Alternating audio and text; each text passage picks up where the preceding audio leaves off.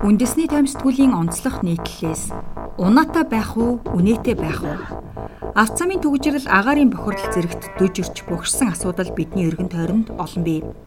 Эдгээрийн шалтгаан нөхцөл авч хэрэгжүүлж байгаа арга хэмжээний талаар хангалттай цэц булгаалдагч гарсан өөрчлөлт дөрвтэй шийдэл хүрэлгүй өдийг хүрлээ. Хяналт хязгааргүй автомашины импорт. Төгжрэл агаарын бохирдлыг бий болгож байгаа нэг чухал хүчин зүйл бол автомашины хяналтгүй импорт. Үнэтэй ядархаар унаатай ядар гэх сэтгэлгээгээр хэн бүхэн хэр таарсан унаатай болохыг ирмэлцдэг нь автомашины эрэлтийг нэмэгдүүлдэг байна. Ийхүү эрэлт ихсгээр нийлүүлэлт нэмэгддэг зах зээлийн бичигдээгүй хуулиар манай улсад жил бүхэн олон мянган автомашин импортоор орж ирдэг. Гэхдээ хяналтгүй импортын уршигаар насжилт хэтэрсэн аль нэг улсад осол аваарт орж байсан зэрэг элдв асуудалтай автомашинууд хилээр орж ирж хэрэглэгчдэд хүрдэг юм. Энэ нь экологийн болон эдийн засаг эрүүл мэндийн хохирол учруулад байгаа. Дэлхийн ихэнх оронд автомашиныг ашиглах ашиглах дээд хугацааг 15 жил гэж тооцоолдог. 100 ямаанд 60 ухна. 2020 оны 12 дугаар сарын байдлаар улсын хэмжээнд нийт 1 сая 136 мянга 734 тээврийн хэрэгсэл бүртгэгдсэн байна. Эдгээрийн 615 мянга гаруй нийслэлд 530 орчим орон нутагт бий. 3 сая гаруй хүн амтай нийт хүн амын баггүй хувийг хүүхэд эзэлдэг манай улсад сая илүү автомашин бий гэдэг бол агцсан тоо юм. Түүнчлэн дээрх тоо жил бүхэн нэмэгдэж гаднаас ирэх импортын машины цуваа тасралтгүй үргэлжилж байна. Монгол улс одоогоос 4 жилийн өмнө буюу 2016 онд 37735 суудлын автомашин импортлж байсан бол 2019 онд дээрх тоо дахин өсөж 69472-т хүрчээ. Харин өнгөрсөн жил цар тахлын улмаас автомашины импорт бага зэрэг буурч эхний 11 сарын байдлаар 45868 суудлын автомашин импортоор орж ирсэн байна. Автомашины 80 орчим хувь нь 10-аас дээш жилийн насжилттай.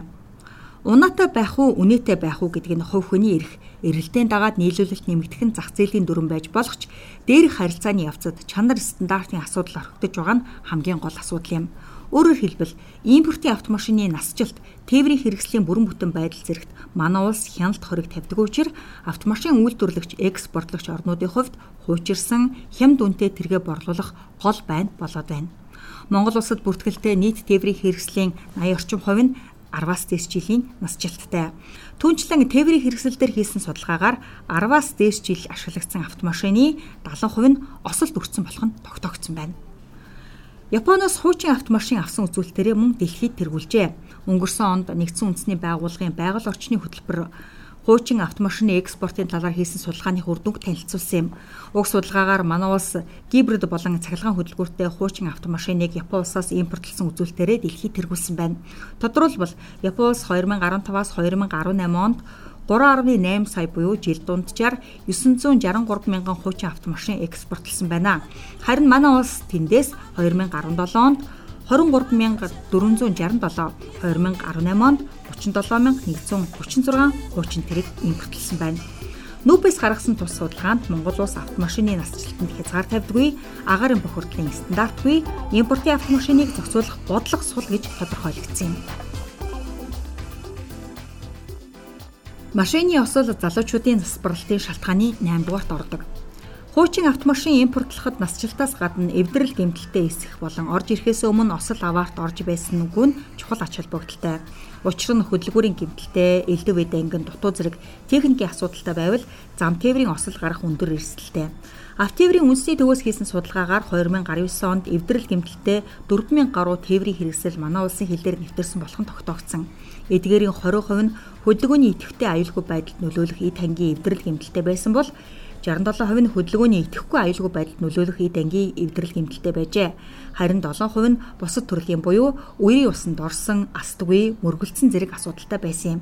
Мөн Дэлхийн эрүүл мэндийн байгууллагаас гаргасан мэдээлэлд хуучин автомашины улмаас осол гэмтэлд орж амнасаа алдах нь 15-аас 29 насны залуусын нас баралтын шалтгааны 8 дугаарт орж байгаа талаар дурдсан байна. Машины хөдөлгүүр илэгдсэн бол агаарт хортхий ялгаруулна. Түүнчлэн хуучин автомашин нь хортхий ялгаруулж агаарын чанарт сөрөг нөлөө үзүүлдэг. Энэ талаар хиймч инженер зол жаргал Төгжрлийн үед мотор бүрэн хүчин чадлаараа ажиллахгүй улмаас түлшний дутуу шаталт үүснэ. Үүний улмаас дутуу шатсан хортоохийн агаарт ялгардаг. Харин түлш бүрэн шатах үед нүүрсгчлэнхий ялгарна.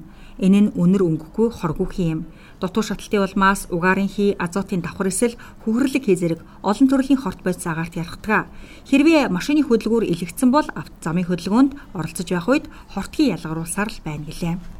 Үүнээс гадна монголчуудын түгээмэл хэрэгэлдэг автомашин болох Прусийн зайг 5-аас 10 жил тутамд зайлсхийж солих шаардлагатай.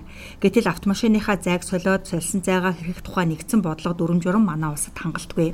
Иймээс машины зайг цуглуулж байгаад булж эсвэл шатааж устгадаг.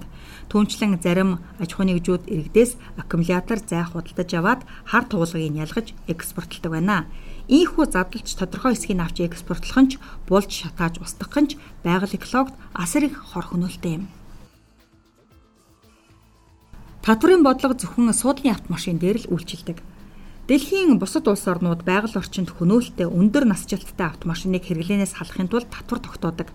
Манай улсад ч мөн онцгой албан татврын хуульд суудлын автомашин импортлсон бол үйлдвэрлэгдсэн оноос хойш хугацааг болон хөдөлгүүрийн цилиндрийн багтаамжийг харгалзан онцгой албан татвар ногдуулдаг. Гэхдээ энэ нь зөвхөн суудлын автомашинд л үйлчилдэг юм. Харин том оврын автомашин болон бусад тээврийн хэрэгслийн насжилт, техникийн бүрэн бүтэн байдал зэргээс хамаарч татвар авдаггүй учраас сүүлийн жилүүдэд том оврын автомашины техникийн гэмтлээс үүдэлтэй осол аваар гарах тохиолдол бэхжсэн.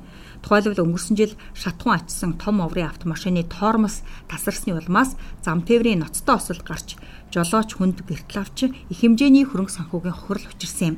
Үүнээс гадна үйлдвэрлэгч улсдан осолд орж байгалийн гамшигт өртсөн автомашин манай улсын хилээр сэлбэг нэрэлээр орж ирэх тохиолдол илбэг. Энэ нь автомашины сэлбэгт татвар ногдуултай холбоотой юм. Ийхүү сэг болсон тээврийн хэрэгслийг сэлбэг нэрээр Монголд ирмэгцэн угсарч засварлаж угааж цэвэрлээд иргэдэд борлуулдаг. Гэхдээ өнгөрсөн оноос и баримт системийг ашиглан автомашины өмнө нь осолд орсон эсхийг нь мэдэх боломжтой болжээ.